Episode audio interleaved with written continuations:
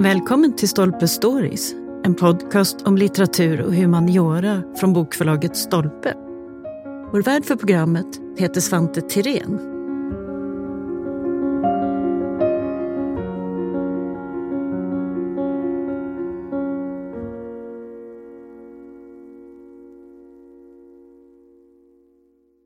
Det verkar som att människan i alla tider har varit djupt fascinerad av naturen. Men när började man samla på stenar och snäckskal och pressade växter, det som vi kallar för naturaliesamlande? Och varför blev det här ett så stort och viktigt fenomen genom historien? Clive Aslett är en av författarna till boken Naturaliesamlandet i historien. Han har skrivit om hur samlandet gick från att vara ett exklusivt nöje för adel och kungligheter till en folkrörelse för modern naturvetenskap. I dagens avsnitt så intervjuas han på länk från England och förklarar mer om samlandets mysterium. Welcome to the podcast, Clive. Thank you. Is it possible to say a time period when collecting natural history objects, let's say, is more of a thing, more of something we can recognize as a, as a movement or something? We, we talk often about the Renaissance as a starting point here. What, what do you say? Well, I think that's true. I think there were two traditions which came together. One was that plants, thinking particularly of plants, plants were very important for medicine. Plants were really the basis of all medicine. So everybody was interested in plants. And to produce a herbal, which is a book of plants with illustrations, those were sponsored by very senior people across Europe, including Lord Burghley, who was Queen Elizabeth's Chancellor, for example. But of course, the herbals had rather crude illustrations, so it would have been much better to have collected plants and pressed them so that you could see the plant in detail. It was obviously rather important that you got the right plant when you were giving somebody medicine. So I think the tradition of using plants in medicine was important. And then there was another one, which was to do with the Wunderkammer, the Cabinet of Curiosities, which every great prince of the Renaissance and the Baroque wanted to have. And that was a kind of reflection of the world as a whole. They wanted to collect things which were representative of just everything and have them in this. It was a macrocosm in the microcosm, the greatest extent of the world in the tiniest space. And that's what they aimed for. And collecting plants was part of that because they were so much part of the wonder and excitement of nature, particularly when trade was expanding and people were going to new places. So one could say, I mean, the fascination has always been there. There has been numerous practical uses, as you say, as well. But then, of course, when it's becoming a thing, it's when it sort of becomes a scientifically ambitious thing, something you want to to use as understanding the world around you a little bit, like the Wunderkammer, as you said. Yes, I think that's true. And it was particularly associated with the European empires, which were expanding all over the world. And so people were going out over the world. And collections were made by the people who travelled, who could be, for example, ship's captains, or they could be missionaries, or they could be merchants in far flung places. Scientifically inclined people, I wouldn't quite call them scientists because the idea hadn't really evolved by then, but people who were interested in science were keeping up a correspondence with these people who had to go to very far away places and begging them to send them plants. Mm. And that's an important point because I think today, of course, we categorize this as a scientific endeavor, don't we? I mean, making herbariums and, and writing down their, their names and, and species and so on. Well, that's true. And of course, that remains, that remains the case, that they have an important role in science mm, still. They do. But at the same time, of course, we have to remember that for the most part of this history, it's a deeply religiously felt world experience. And uh, most people collecting this are not yet ready to demystify the world. On the contrary, it's actually connecting you more to the world and, and perhaps even spiritual notions of the world. Yes, of course, when, for example, Linnaeus was assembling his wonderful herbarium, which I'm proud to say, by a kind of curious chain of events, exists here in London, he thought that God had created everything and that the natural world didn't change. Of course, obviously, we now know that isn't true. What he was collecting was a snapshot in time. But people felt that by assembling great collections and categorizing them, in Linnaeus's case, they were approaching close to the order that God had instilled in the world. That was their their view of it. So there was a yes, there was a strong there was a strong religious element in the sense that there was a religious element. That was, that was their worldview. Mm. Um, their collecting was conforming to this worldview. It confirmed the godly sort of influences here. It did not deny it. No, and of course, people were very, very excited when Europeans started to go to places they were unfamiliar with across the globe. They were finding these really extraordinary and wonderful things, which were simply amazing. In our case, to people who lived in Northern Europe, where, where just the colours of the tropics and the shapes and the extraordinary forms that animals could take or plants could take, you know, those were wonders to them. Mm. So they were very excited by it. Is that one of the main challenges today? I mean, when we look back at this history, I mean, we obviously we can just Google anything and immediately uh, see pictures and so on. Of course, it's it's hard to imagine this sense of magic that must have been felt. Well, I think that, as you say, the internet, we can see anything at the click of a mouse, and so often when people go on holiday, there's, there's what they're seeing is the images they've already seen on the internet. But I think there is still wonder to be found. And as a matter of fact, if I could say, I think that Stolpe, in producing this fabulous book, or producing this book fabulously with these wonderful pictures, is an illustration of that. You know, we, we can still be amazed because we're looking at things, for example, microscopically. We're seeing things, and this is the case in this book, which has been fabulously photographed with some of the herbarium samples in the collection being backlit and others looked at in great detail. We're seeing things thanks to photography and these techniques, which you can't see with your naked eye. So I think there's still, and of course, this is wonderful because you're understanding structures and patterns that you didn't even know were there in an ordinary everyday object. Mm. So I think this is a this is a subject of wonder. I think we still have the capacity to amaze ourselves. So, despite all the technical digital wonders, there is still the, the, uh, a magic around uh, the real thing. Let's say. Yes, and the real thing is very important in terms of science these herbarium samples are very uh, important. For one thing, the ones which were collected in the past, such as the ones in the Tim Herbarium, they show the world at a, we, we, we know that this was what, what the world was like at a certain period, and we can see that this is what the plants were like, often on the very day, and knowing the place that they were collected. Well, of course, because of changes being speeded up through global warming and so on, the world is developing all the time. So it's it's it's important to scientists to know, to have an absolute record of how something was at a certain time. And the other thing which is important is that collected specimens are provide the kind of type so that scientists can know exactly what a species is. Mm.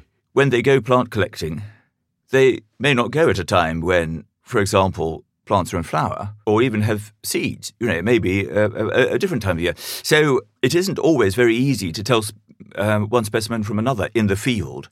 But in the barium, herbariums that are kept at places like Kew, this is the yardstick of of all of all science in uh, in botany. That's so true. I mean, apart from the, let's say, psychological importance of, of seeing the objects and experiencing them, there is hardcore scientific value in the sense that they are actual photographs of what certain species, certain plants, what nature looked like at certain points in history. So it's not it's not only nostalgia; it's actually relevant today. Yes, and I was surprised in researching the book to find that herbariums, which I knew a little about in, in terms of history, but that they are so critically important today. Of course, people like Joseph Banks, who was the great botanist who travelled with Cook on his expeditions around the world, Captain Cook, he had an important herbarium, which is now in the Natural History Museum, and it had hundreds of thousands of specimens. Of course, now the herbariums that places like Kew have are in millions of specimens, but it does remain important. It's extraordinary quantities. It's interesting because I find that, and I had this experience myself, that on the outside, you think that you know when you study the um, collecting of, of natural objects, of natural history collecting, you think it's going to be quite niche, quite sort of specific in, in the sense that it's a practice re- uh, revolving these uh, these plants and these specimens and so on. But in fact, you find an extraordinary mix of how this influences art, uh, science, uh, philosophy, thinking, linking the world. It's a very rich and sometimes even confusing history. What would you say as an art historian going into to this this field.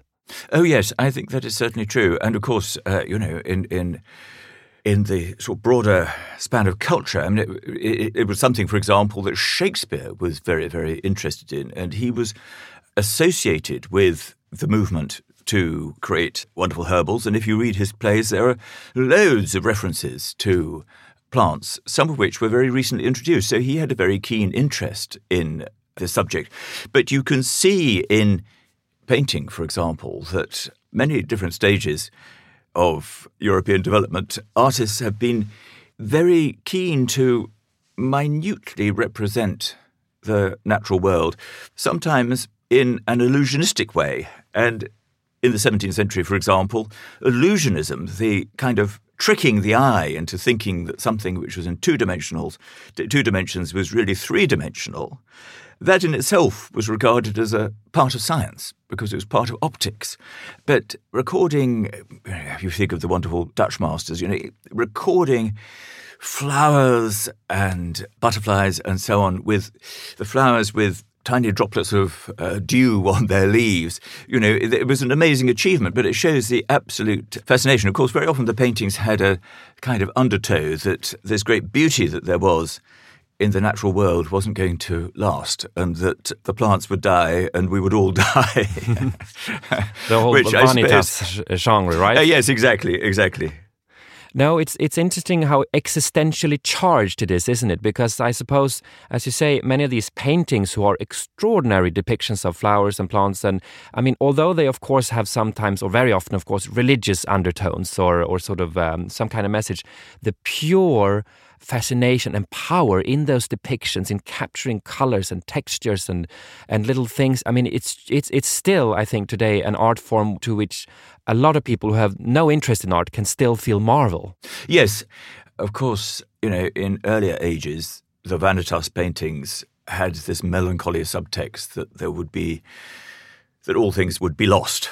But in a sense, uh, now there's a sort of greater relevance because, or, or a different resonance, really, because we are very anxious about the way the natural world is threatened. And so, quite apart from our own mortality, there's the thought that actually these plants, which we're used to coming up uh, year, year after year in the spring, you know, perhaps not all of them will. And I think that, you know, that gives it a sort of special charge in our own day. The climate crisis, of course, is something that has yet again brought existential charge, let's say, to this whole thing. And uh, yes. I suppose it's it's a new kind of me melancholy, but perhaps also one that, in a way, connects us more to what was felt by people in history looking at these things and also having the the religious wonders and the whole sort of idea that a plant or something is a reflection of something divine of a higher order of of mystical things basically no yes i think that as formal religion is on the decline i think that people take more interest in nature, perhaps perhaps as an as, as, as an alternative, as a refuge, but there are also great um, a very strong desire to preserve what we have. I, I, was in North Carolina recently, where the Venus flytrap, that's where the Venus flytrap comes from, this extraordinary carnivorous plant, which I mean, that is in itself a wonder, although everybody, you know, probably knows about it and, and, and you can buy one in a florist. Actually, it's extraordinary to see them growing in the wild. And they come from this very specific area of North Carolina near Wilmington. Great care is being taken by some people to preserve these plants. Unfortunately, they're stolen by others. But with this and other plants, you know, there, there, there are campaigns which people put a lot of money into to restore plants. And that's a wonderful thing in itself, I think. I was a trustee of Plantlife, which is a charity about wildflowers. And some of the work that they did to bring back species that were on the brink of disappearing was really very inspiring. Mm, it, it, it touches you. Now, the gallery of people involved in this history is quite impressive. It includes uh, royalty, scientists, uh, all kinds of private collectors and public uh, collections and so on. But if we start with some of the early ones, we have to mention, of course, Rudolf II. We talked before about the Wunderkammer, but Rudolf II, of course, is a pivotal, let's say, in this history as a collector of many things. But what about his fascinating for, for natural objects? What was that like? Well, I think that it was absolutely comprehensive. I think that he wanted to assemble everything that he could, the whole world. Um, he wanted that reflected in his Wunderkammer, which, of course, since the knowledge of the world was more limited than it is today, that was a sort of feasible ambition for a Baroque prince. But he, he loved strange things. He had a particularly outstanding collection of butterflies, but of course, he also had a great herbarium. Unfortunately, all these things were uh, scattered and destroyed when um, I think Prague was sacked after his death. We Swedes um, might have a bit of a an excuse here to sore sore point. but anyway, we know we know that it existed, and and you know the natural world, the the wonders of the natural world were you know displayed amongst the wonders of the finest art, finest craft. These things were seen as kind of on the same level, I mm. think and also that it's all connected. I mean, I think the main difference between our time and, and this time, both of the Renaissance but also later on, is of course we separate so rigorously between what is science and what is art and what is this and that. While in this sort of universe of ideas, it's all interconnected. There are no sort of clear boundaries yet between different departments in, in the at least not in the in the way that it became later. Yes, I think ultimately the fantastic skill that could be shown by Leonardo da Vinci or whoever it might be, was an example of what God could could achieve on Earth alongside the wonders of the natural world. So I, th- I think they were, yes, they were thought of, I think, in the same sort of terms. Now, Rudolf II, of course, as an emperor, and his collection was iconic. It was much discussed. It was hugely influential.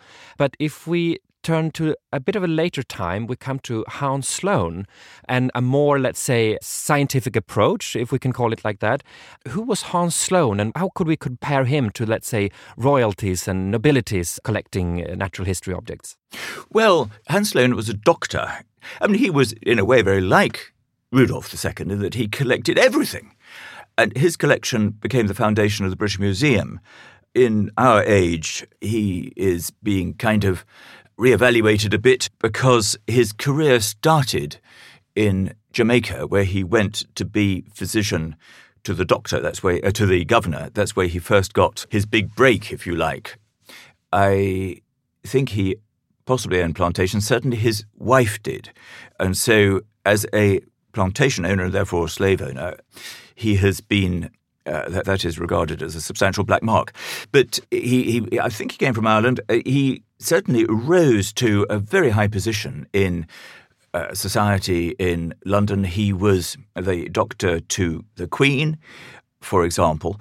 But he, as I think going back to earlier periods in history, he had a great interest in plants because of their medical properties.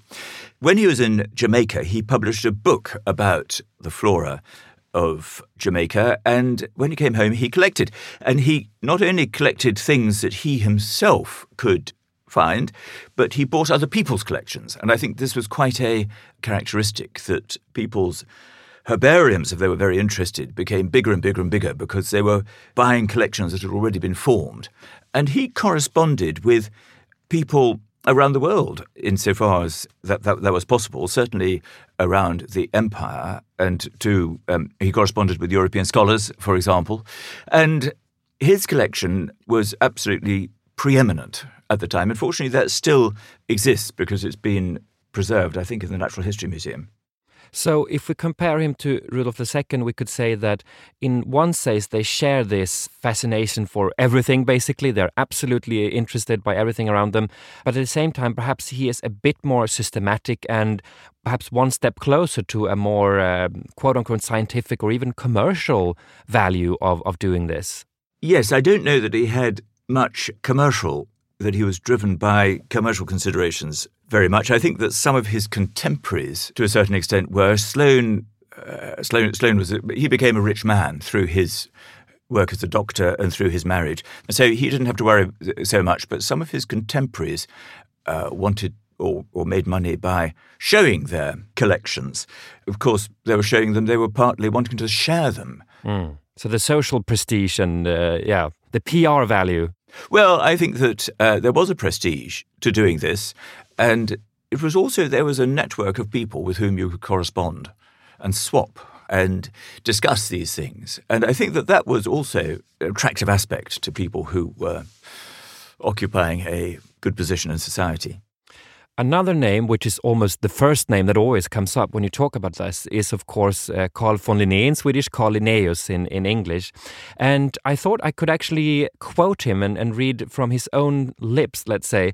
In 1735, he of course uh, publishes his famous Systema Naturae, which uh, transforms this entire uh, world of, of collecting things and understanding nature. And he says, the first step in wisdom is to know the things themselves.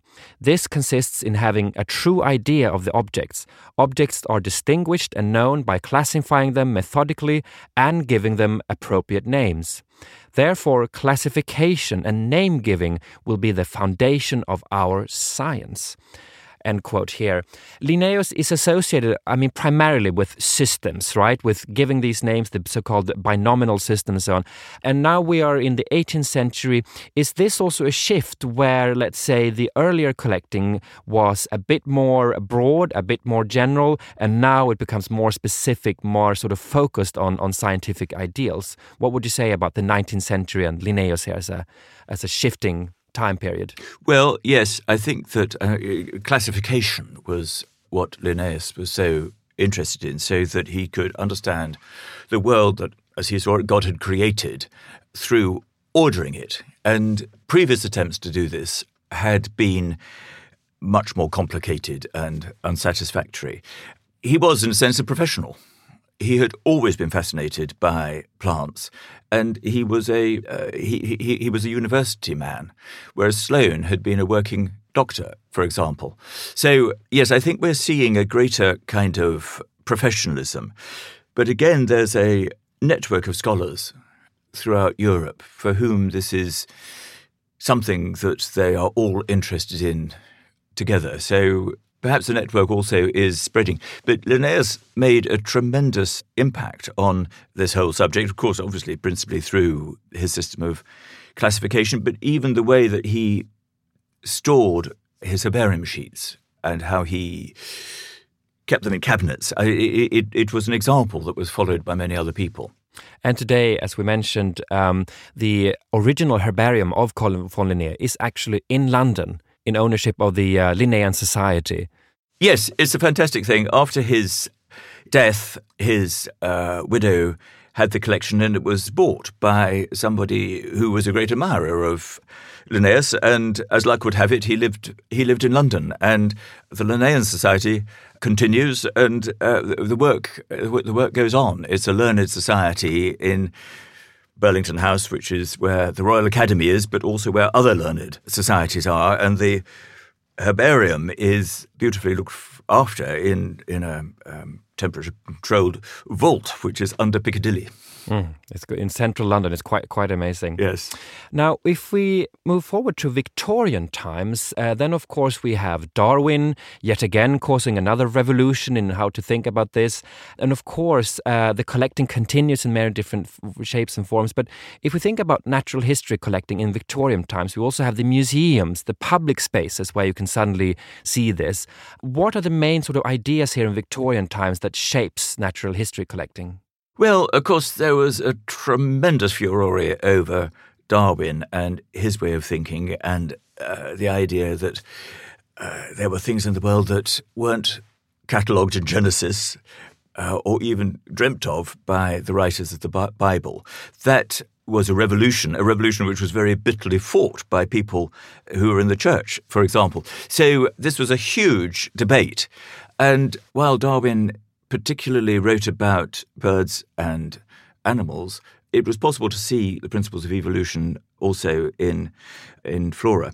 Of course, this it was an age where some buildings, like indeed like the uh, Natural History Museum, which was uh, here in London, which was built in the middle of the 19th century, were covered in representations of plants and animals carved in stone. It was intensely important. Um, the Pre-Raphaelites in art microscopically, uh, recorded plants in microscopic detail.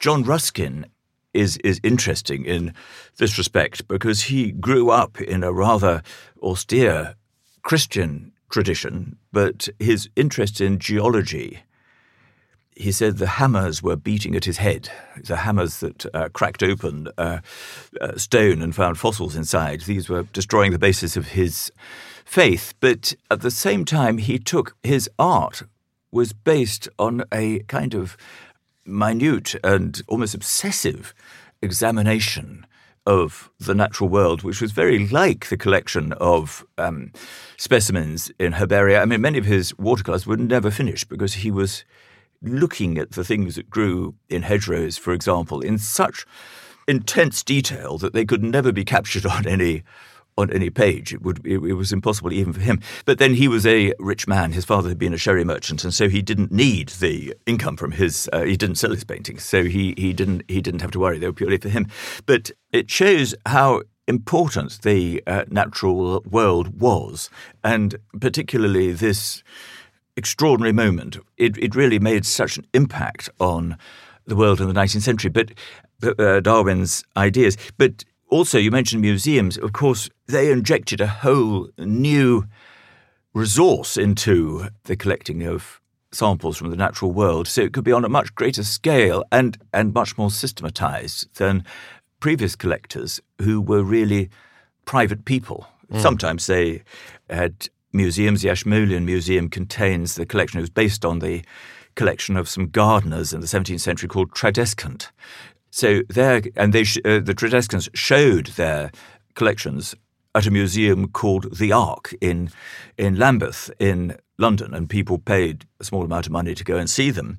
But that was really a different tradition. It, these great museums, which were often supported by the resources of the towns in which they were in, or sometimes the government, you know, they, they could do things on a much bigger scale and for a public who could come and see them. Do you think that the rise of museums and public institutions, in a way, perhaps uh, decreased the the impulse to private collecting? I mean, you could just as well go to a museum, or do you think they might have stimulated at the same time? Well, that's an interesting point. I mean, uh, you might think that they, as it were, kind of scooped the pool and that no private people, every private person would feel so outdone by the museums it wasn't worth it. But I don't think that's true. I think that it was something which, for example, clergymen and private gentlemen in or private gentlemen and ladies in the countryside, it was something that that they could contribute to, that they could kind of be part of this whole movement. Clergymen, certainly in Britain, clergymen had played a great role in botany. They were very often people who first identified wildflowers when they were botanizing around their parish. And I think that tradition continued in the 19th century. It was part of a of a culture, really. I think it was something you could do and you know, be part of a club. And indeed, there were lots of clubs for doing this. Mm. Many societies and different organizations and so on uh, grew and, and gathered all these people. Finally, today, then, I mean, not many people have uh, neither the patience nor, nor the time and uh, interest to collect things and press them against papers and, and so on. But what do you think? What should we take from this incredible history of natural history, history collecting today? What, what, sort of main ideas and, and thoughts here are you do you think are, are, are valuable for us to, to reflect on today? Well, um, I think there remains the scientific relevance of herbariums, which I mentioned earlier, but the spirit of wonder is brought alive when you look at these samples, which are kind of magical that they have survived. These are the very plants growing at a certain period, which is maybe a couple of hundred years ago, and they can look like, well, dried leaves, which is what they are when you first see them on the herbarium page, but when you look really closely at them, there is the wonder of the detail in their structure and the thought that these very objects were alive at a particular point in history, which I think is stirring to the imagination. At least that's what I find. Mm, the sense of wonder that is certainly intact. It seems to me that there are so many things we can take from this history uh, of natural history collecting. It is a very good way to understand how, how complex, how manifold the birth of science, the understanding of nature, and how we create really worldviews uh, through this. And of course, then also all these extraordinary people who has been involved in this. But today, Clive, do you think that if we look into this history today, are the bits and pieces we can uh, use uh, not only to understand history, but actually understand where we are today? Well, I think so. I think that there remains a sense of wonder, particularly, I mean, in the wonderful photographs in this book, they, they, they show these herbarium specimens in a way that you can't appreciate them just with the natural eye, and that in itself is a fabulous thing. But it's wonderful to think that these specimens have been collected on a certain day at a particular place, and they are a powerful connection across centuries I feel. But also, these days, it's a very uncertain world. People lead very busy lives. Equally, we've lived through the COVID crisis when the world seemed to stop and people were no longer travelling so much. And whether this fully resumes, given the different crises of what we have today, um, I don't know. But uh, there's a spiritual value in looking very closely at things and things which might not be from the other side of the world, but might be from fields or from your own garden or from a hedgerow or a verge, which is just outside your own door. Looking at the particular has always got a spiritual value and engages the imagination, I think, but particularly today when it's a good thing to slow down. There's certainly a lot more to reflect on. Well, thank you so much for joining us, Clive. Thank you very much.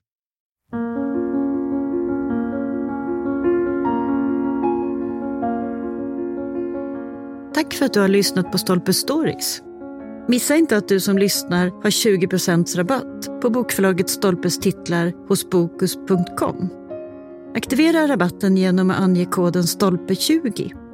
Och för att lyssna på fler avsnitt, följ oss där poddar finns och på sociala medier.